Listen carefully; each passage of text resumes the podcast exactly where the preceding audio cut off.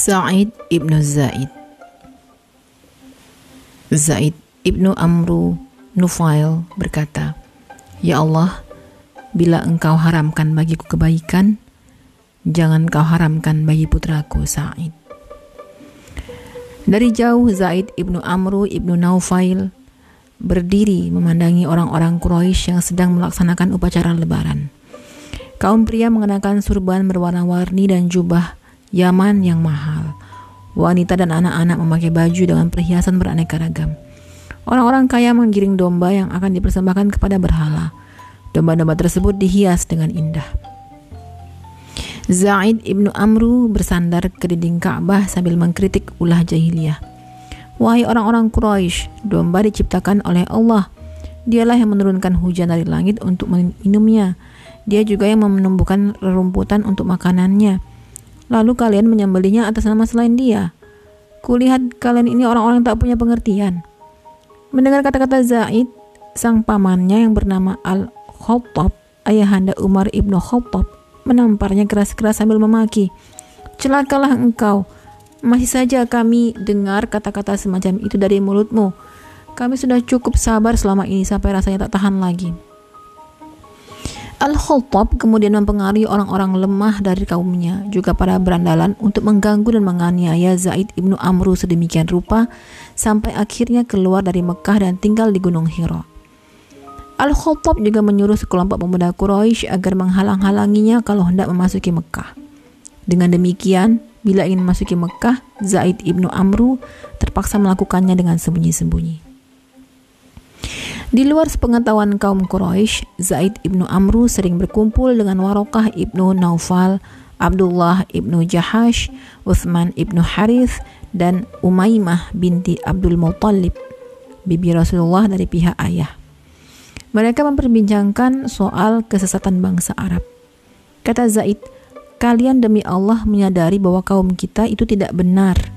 Mereka telah menyimpang dari agama Ibrahim Sebaik, sebaiknya masing-masing dari kita mencari agama kalau ingin selamat. Berangkatlah empat sekawan ini mendatangi para ahbar dan rahib Yahudi maupun ras Nasrani untuk mencari tahu tentang agama Ibrahim yang suci.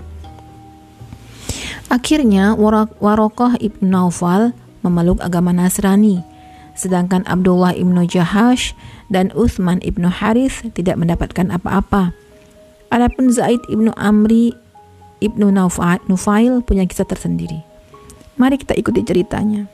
Berkisahlah Zaid. Pertama, aku memeluk agama Yahudi dan Nasrani, lalu berpaling dari keduanya karena tidak memuaskan diriku dan tidak memberikan ketenangan. Selanjutnya, aku berkeliling mencari milah Ibrahim sampai ke Syam. Ada seseorang yang menyebut-nyebut tentang rahib yang memiliki ilmu Alkitab. Aku segera mendatanginya menceritakan tujuanku. Dia berkata, Kurasa Anda mencari agama Ibrahim. Hai orang Mekah, benar jawabku, itulah yang kucari. Anda mencari agama yang sudah tak ada sekarang ini. Tetapi pulanglah. Karena Allah akan mengutus salah satu dari kaum Anda untuk memperbaharui agama Ibrahim. Bila Anda berhasil mendapatkannya, ikutlah dia. Kembalilah Zaid ke Mekah. Dia mempercepat perjalanannya karena ingin segera mencari nabi yang dijanjikan itu. Sementara Zaid masih di perjalanan, Allah telah mengutus nabinya Muhammad dengan agama hidayah dan kebenaran. Sayang sekali, ternyata Zaid tidak mendapat kesempatan untuk berjumpa dengan beliau. Dalam perjalanannya, dia dihadang oleh segerombolan perampok Arab dan dibunuh sebelum sampai di Mekah. Sebelum berhasil melihat Rasulullah dengan mata kepalanya. Sebelum menghembuskan nafas terakhir, dia menatap ke langit sambil berdoa, "Ya Allah, bila Engkau haramkan bagiku kebaikan, jangan Kau haramkan bagi putraku Sa'id." Atas kehendak Allah, doanya mustajab. Ketika Rasulullah memanggil orang-orang masuk Islam, Sa'id ibnu Zaid termasuk golongan pertama yang beriman kepada Allah dan percaya kepada Nabi dan Rasulnya. Ini tidaklah berlebihan mengingat Said tumbuh besar di dalam rumah yang mengingkari kesesatan Quraisy dan terpelihara di bawah naungan ayah yang mencurahkan hidupnya untuk mencari kebenaran. Bahkan mati saat mengejarnya. Bahkan Said saja bukan Said saja yang memeluk Islam, tetapi juga istrinya Fatimah binti Khattab, adik kandung Umar ibnu Khattab. Anak muda Quraisy ini kenyang dengan penganiayaan kaumnya yang berusaha yang berusaha merongrong keimanannya. Namun orang-orang Quraisy tak mampu memalingkannya dari Islam. Justru dia dan istrinya berhasil menaklukkan seorang jago Quraisy yang paling sengit memusuhi Islam. Benar, keduanya lah yang menyebabkan Umar ibnu Khattab masuk Islam. Said ibnu Zaid ibnu Amru ibnu Naufal telah menghabiskan masa mudanya untuk Islam sebab dia memeluk agama ini pada usia 20 tahun. Dia mengikuti seluruh peperangan Nabi Shallallahu Alaihi Wasallam kecuali perang Badar, karena waktu itu Rasulullah memberi tugas lain. Dia punya andil dalam menghancurkan singgasana penguasa Persia dan Romawi. Pendeknya, dalam setiap pertempuran yang dilakukan oleh pasukan muslimin, Said ibnu Zaid punya andil dan jasa yang tak sedikit. Mungkin yang paling hebat kiprahnya adalah yang dilakukan dalam perang Yarmuk dalam hal ini dia sendiri menceritakan. Pada hari itu, pada saat perang Yarmuk, kami berjumlah 24 ribu orang atau lebih. Sedangkan Romawi keluar dengan kekuatan 120 ribu orang.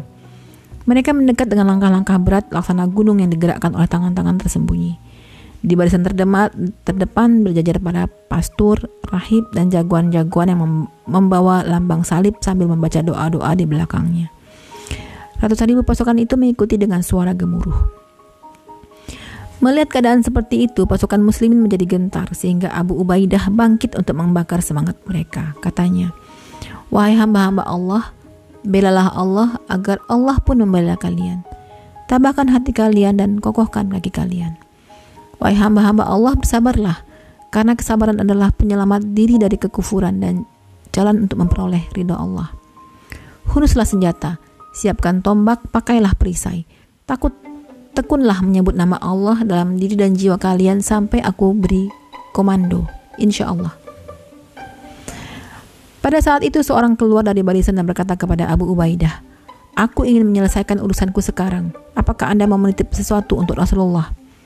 Ya, jawab Abu Ubaidah. Ubaidah. Sampaikan salamku dan kaum muslimin semuanya kepada beliau. Katakanlah. Katakan pula, ya Rasulullah, kami telah menemukan bahwa apa yang dijanjikan Allah adalah benar. Mendengar kata-kata Abu Ubaidah lalu melihatnya mengayunkan tombaknya ke arah musuh bangkitlah semangatku. Kuhunus tombak dan kutusuk jagoan musuh yang pertama kali muncul di hadapan kami. Allah telah membobol bandungan rasa gentarku terhadap mereka. Kawan-kawan juga menyusul menerobos barisan musuh seperti singa-singa kelaparan yang melahap mangsanya. Kami terus bertempur sampai Allah memberikan kemenangan kepada kaum muslimin. Said ibnu Zaid juga menyaksikan masuknya muslimin ke Damaskus. Setelah kota itu menyerah, Abu Ubaidah mengangkatnya menjadi wali kota yang baru. Said Ibnu Zaid adalah wali, wali kota Damaskus Muslim yang pertama. Pada masa Bani Umayyah, telah terjadi suatu skandal yang selalu menjadi bahan gunjingan seluruh penduduk Yasrib sampai beberapa waktu lamanya. Seorang wanita bernama Urwah binti Uwais menuduh Said Ibnu Zaid telah merampas sebagian tanahnya dan dimasukkan sebagai hak miliknya. Wanita itu kemudian menjual omongannya ke sana kemari dan melaporkan perkaranya kepada wali Madinah, Marwan ibnu Hakam. Masalah ini menyulitkan sahabat Rasulullah itu, katanya. Mereka telah menyangka bahwa aku menzaliminya, sedangkan aku mendengar Rasulullah bersabda, Barang siapa menzalimi satu jengkal tanah, maka pada hari kiamat Allah akan menghalangi, akan mengalungnya tujuh lapis bumi. Ya Allah, dia telah menuduh aku menzaliminya. Bila dia berdusta, maka butakanlah matanya dan masukkanlah dia ke dalam sumur yang diperkarakannya itu.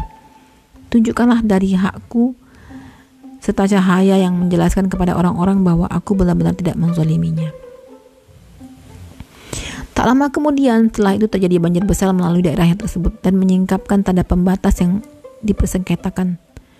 Terbukti bahwa Said memang jujur.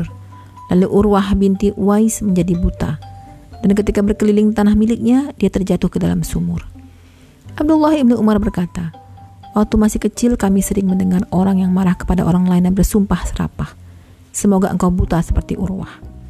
Tidak mengherankan sebab Rasulullah pernah bersabda, Berhati-hatilah dengan doa orang yang dizolimi, karena antara dia dengan Allah tidak ada hijab.